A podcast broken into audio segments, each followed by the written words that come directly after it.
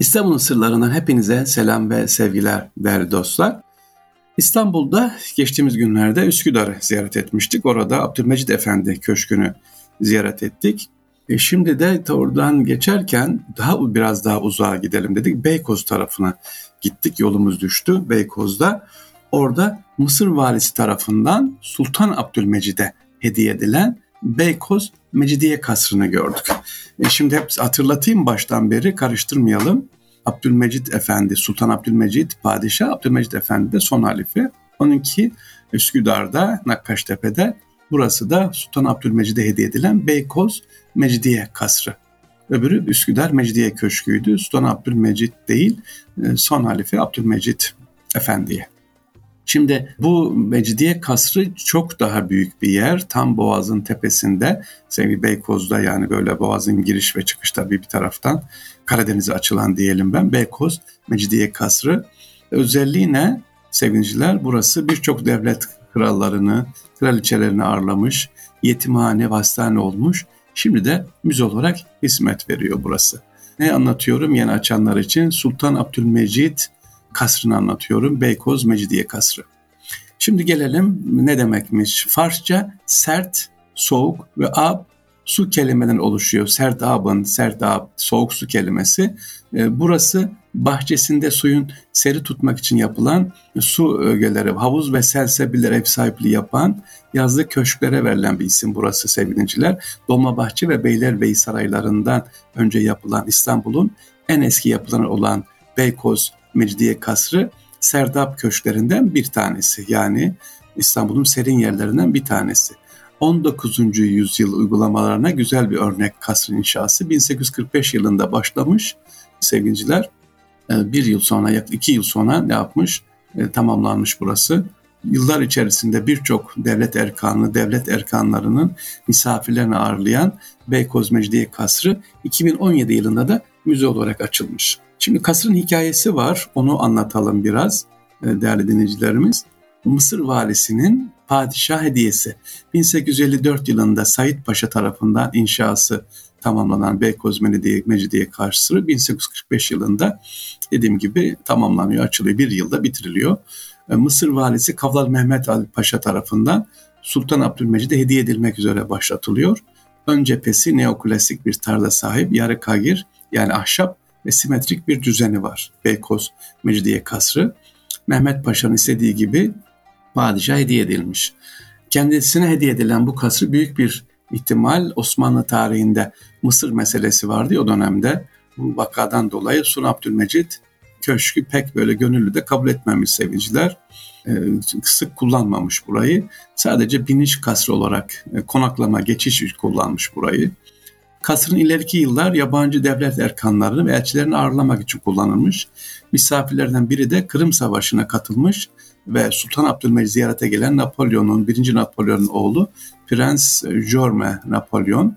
Prensin yanı sıra Kırım Harbi'ne iştirak etmek için İzmir ve Aydın'a gelen gönüllü askerlerin en seçkin olan Zeybekler ve Büyük Efeler de burada ne yapılmış? Beykoz Mecidiye Kasrı'nda misafir edilmiş. E, nitekim 1869 yılında Sultan Abdülaziz rahmetullahi aleyh şehit Sultan Abdülaziz e, Fransız İmparatoriçesini ağırlamış Beykoz Mecidiye Kasrı'nda büyük bir tören ile karşılaşan imparatoriçe misafir olduğu kasırda padişah ile ordunun geçit törenini izlemiş burada efendim. 21 Mayıs 1910 yılında ise Sultan Reşat'ın saltanat sırasında kasırda Meclis-i Mebüsen Reis Ahmet Rıza Bey milletvekilleri, ayan meclis üyeleri, hükümet ergahını, erkanı burada ayrılanmış bir nevi bakanlar kurulu olarak burada devam etmiş. Bu Sultan Abdülmecid kasrında sonra ne olmuş sevgiliciler? Padişahlar ya da padişahlar misafirleri kullanmış. Daha sonra kamu hizmetine tahsis edilmiş. Önce Darül Eytam olmuş. Yetimler yurdu. Bakın yetimler için Osmanlı'nın güzelliği sevgiliciler köşkünü, kasrını, e, sarayını veriyor yetimler kalsın. Uzun yıllar burası yetimler kalmış o salonlarda, e, odalarda sevgiliciler yatakhane olmuş oralar. 1920'li yıllarda özellikle trahomlu yani göz hastaları için burası hastane olmuş, kullanılmış. E, ne zamana kadar? 1953 yılına kadar. 1953 yılında ise e, yani Pravetaryum olarak kullanılmış. Ne demek brevatoryum? Vücutlarına verem mikrobu girmesine rağmen henüz hastalığa yakalanmamış zayıf kimselerin e, vereme yakalanması önlemek amacıyla bakıldıkları sağlık kurumu sevgiliciler. Ben de bunu yeni öğrendim. Prevetaryum, preven, prevantorium e, burası kullanılmış. Vereme yakalanmış ama verem mikrobu var fakat diğerlerine bulaşmasın diye bir nevi karantina merkezi. 1963 yılında Beykoz Göğüs Hastalıklar Hastanesi olarak kullanılmış burası. 1997 tarihinde ise kasrı milli saraylara bağlanarak muhafaza altına alınmış. 6 yıl boyunca restorasyona alınmış, 6 yıl sürmüş. 2017 yılında da halkın ziyaretine açılmış müze olarak sunulmaya başlanmış sevgiliciler burası. Dediğim gibi kasrı gidip görebilirsiniz. Çok güzel, ilginç buralar. Abdülmecit Efendi e, Köşkü'nü görüyoruz. Sonra Sultan Abdülmecit Kasrı da Beykoz'da oraya gidip görebiliriz. Sevgili dinleyiciler böyle kasırlar anlatıyorum. Kasır nedir, işte saray nedir, büyükler, köşk nedir hepsi farklı farklı. İstanbul içerisinde özellikle Avrupa yakasında mesela Beşiktaş'ta Ihlamur Kasrı var. Kasır görmek istiyorsanız. Yani kasır şu padişahın kısa süreliğine gidip birkaç gün ne bileyim bir hafta kaldığı yerlerdir. Bir nevi dinlenme yeridir. Burayı e, görebilirsiniz. Ihlamur Kasrı'nı tavsiye ederim. Küçük e, böyle. Hatta Yıldız Sarayın içerisinde var ya Yıldız Şale diyoruz biz buna. Küçük bir oda şey gibi e, söyleyin dağ evi gibi. E, oda içerisinde yani sarayın dışında gidiyor ormanların ağaçların içerisinde. İşte Ihlamur Kasrı da böyle. Sonra yine kasırlı Avrupa yakasında var. İşte Anadolu yakasında kasırlar var. Mesela Maslak kasırları var. Maslak kasılarını da Avrupa yakasına gidip görmenizi isterim. Ne var Maslak kasılarında? Limonluk var özellikle. O e, sevgiliciler içerisine girdiğiniz zaman e, sizi zaten bahçenin kendisi karşılıyor, ağırlıyor Maslak kasrında. Abdülhamit Han'ın e, kaldığı yer var. Orayı görüyorsunuz. Hem veliahtlı süresince kaldı hem de padişahlığı süresinde zaman zaman gidip dinlendiği yer var. Benim ilgimi şu çekmişti. Abdülhamit Han merhum depremden çok çekindiği için giriş kasındaymış yatakhanesi. Onu orada gördüm. Maslak kasırlarında.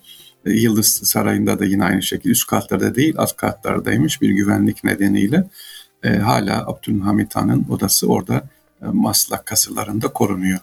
Maslak kasırları, İrlamur kasrı dediğim gibi görülebilir. Karşı tarafta küçük su kasrı var yine gidip görülebilen kasırlardan böyle boğazı geçerken Üsküdar'dan sonra e, görebilir. Sanki ada gibi duruyor aslında kenarda ama şimdi bazı törenler, e, toplantılar orada yapılıyor.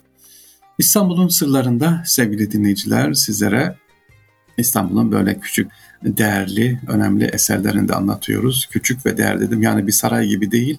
Saraya göre tabii küçük. Bir İstanbul. Bunlar bize miras. Yani bunları niye anlatıyor, niye göreceğiz? Nasıl yaşanmış o dönemi anlayalım. O döneme ibret nazarıyla bakalım sevgiliciler. Bu insanlar orada yaşadılar kasırları vardı, köşkleri vardı ama e, sonra bir kanunla bir gecede hepsi ne yaptı? Yurt dışına çıkartıldı. Bu da bir ibret değil mi? E şimdi anlatıyoruz kasırlar, saraylar, bahçeler ama Osmanlı Hanedanı bir gecede hepsi e, yurt dışına ne yaptı? Çıkartıldı. Bu, bu bize bir ibret işte gezerken dediğim gibi bunlara da bak. Yani tarih konuşuyor. Nasıl konuşur? Bakarsak görürüz görürsek anlarız ve bize anlatır sevgiliciler. Onun için diyorum ki eserlere giderken böyle tabi Gogol bilgileriyle, ansiyopatik bilgiyle değil biraz da ibret nazarıyla bakalım bizlere neler anlatacakmış. İstanbul'un sırlarından hepinize selam ve sevgiler efendim. Allah'a emanet olunuz. Kolay gelsin.